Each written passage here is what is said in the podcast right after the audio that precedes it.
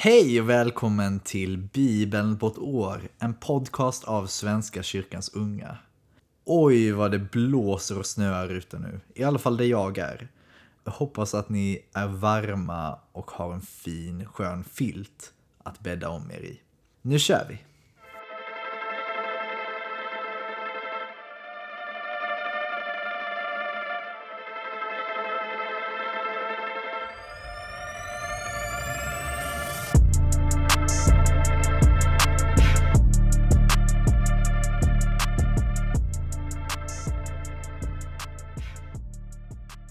Vi ber.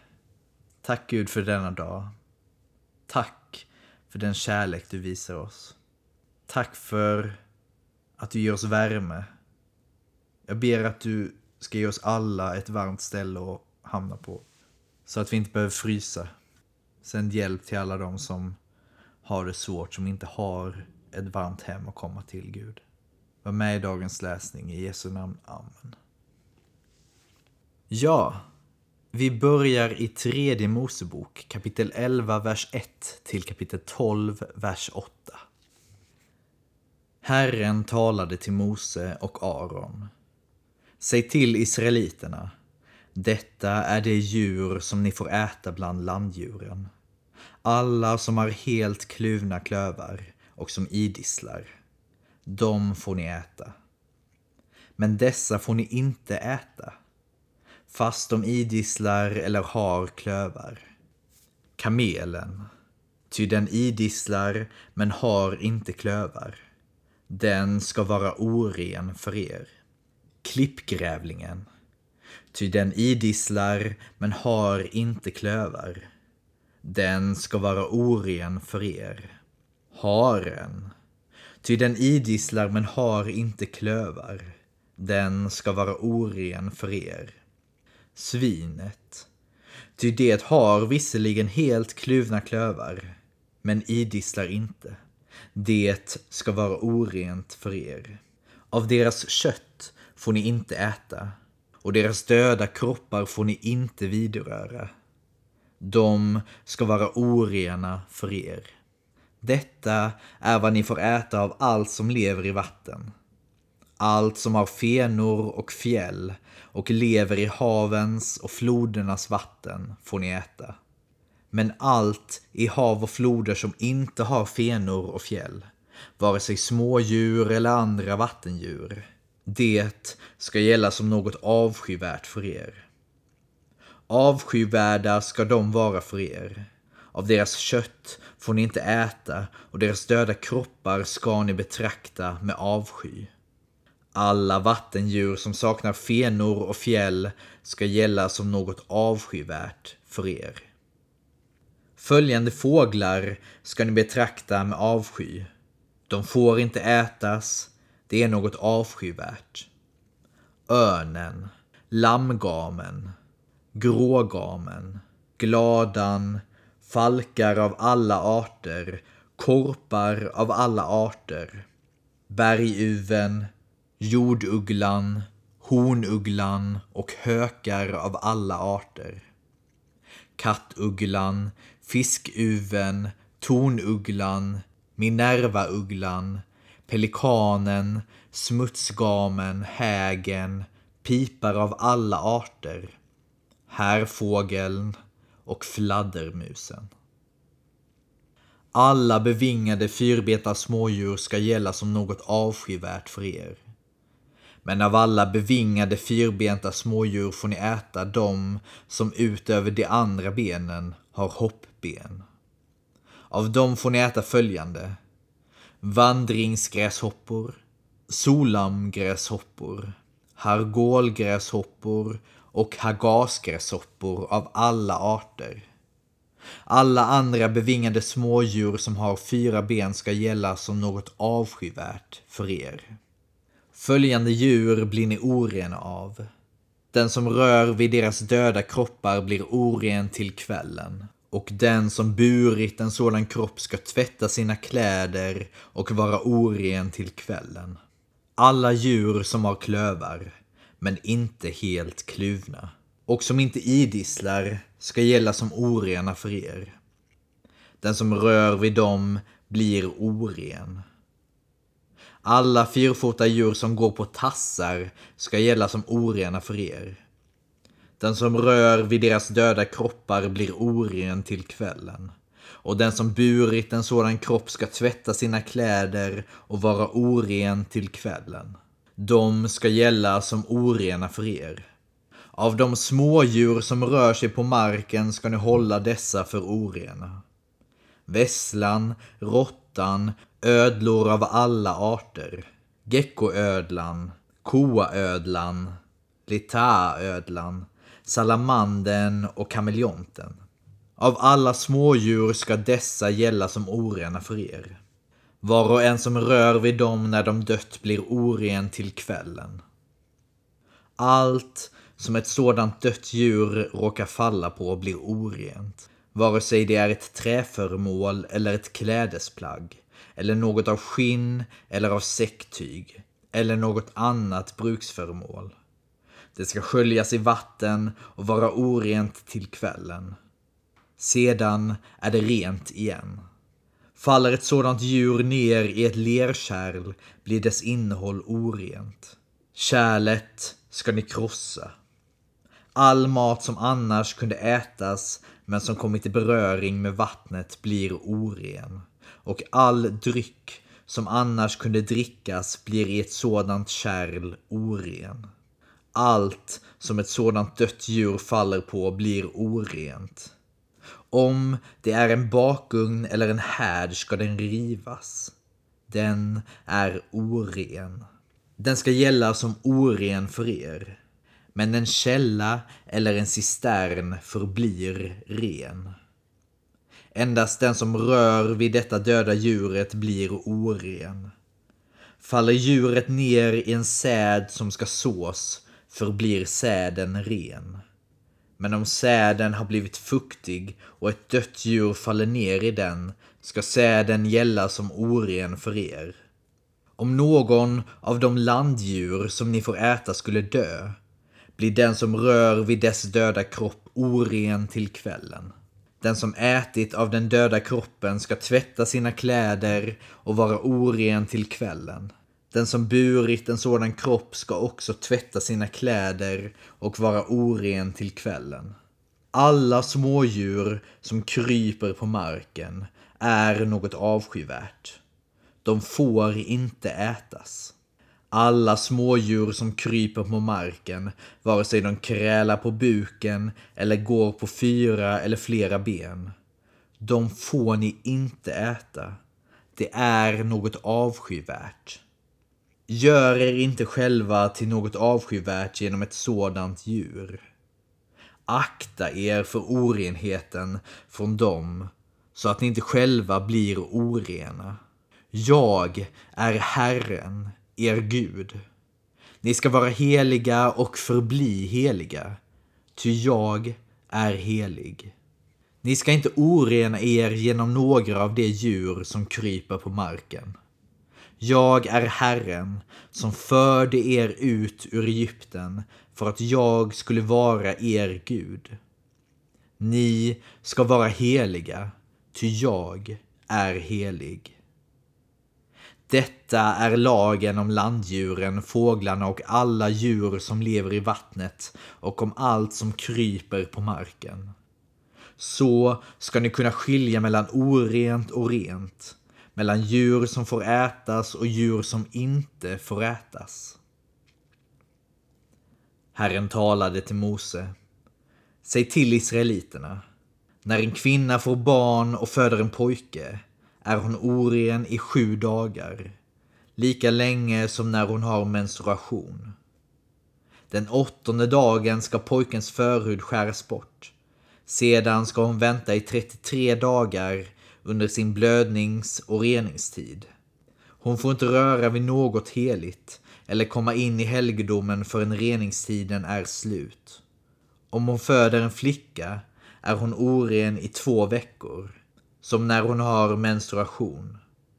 Sedan ska hon vänta i 66 dagar under sin blödnings och reningstid. När hennes reningstid för en son eller dotter är slut ska hon komma med ett årsgammalt lamm som brännoffer och en duva eller turturduva som syndoffer till prästen vid uppenbarelsetältets ingång. Prästen ska offra dem till Herren och bringa försoning åt henne så att hon blir ren efter sitt blodflöde. Detta gäller för en kvinna som har fött barn, en pojke eller en flicka. Om hon inte har råd att offra ett lamm ska hon ta två turturduvor eller två andra duvor. En till brännoffer och en till syndoffer. Och prästen ska bringa försoning åt henne så att hon blir ren. Ja, där fick vi läsa om vad man får äta och inte äta. Och hur man ska göra efter att man fött barn. Vi fortsätter i Markus evangeliet kapitel 5, vers 21 till 43. När Jesus hade farit tillbaka till andra sidan sjön samlades mycket folk omkring honom. Medan han var där vid sjön kom det dit en synagogsföreståndare vid namn Jairos. Då han såg Jesus kastade han sig ner för hans fötter och bad enträget. Min lilla dotter är nära att dö. Kom och lägg dina händer på henne så att hon räddas till livet. Och Jesus gick med honom. Mycket folk följde efter och trängde sig in på honom. Där fanns en kvinna som hade lidit av blödningar i tolv år. Hon hade varit hos många läkare och fått utstå mycket. Det hade kostat henne allt hon ägde, men ingenting hade hjälpt. Snarare hade hon blivit sämre. Hon hade hört vad som berättades om Jesus och nu kom hon bakifrån i hopen och rörde vid hans mantel. För hon tänkte att om hon bara fick röra vid hans kläder skulle hon bli hjälpt. Och genast stannade blodflödet och hon kände i kroppen att hon var botad från sitt onda. När Jesus märkte att det hade gått ut kraft från honom vände han sig om i hopen och frågade Vem rörde vid mina kläder? Lärjungarna sade Du ser väl hur folk tränger på och ändå frågar du vem som har rört vid dig. Han såg sig omkring efter henne som hade gjort det. Kvinnan som visste vad som hade hänt med henne kom rädd och darrande fram och föll ner för honom och talade om hur det var. Han sade till henne Min dotter, din tro har hjälpt dig. Gå i frid. Du är botad från ditt onda. Medan han ännu talade kom det bud till synagogsföreståndaren från hans hem. Din dotter är död. Du ska inte besvära mästaren längre. Men Jesus, som hörde deras ord, sade till föreståndaren Var inte rädd. Tro bara. Sedan lät han ingen mer än Petrus och Jakob och hans bror Johannes följa med. Och de gick hem till föreståndaren.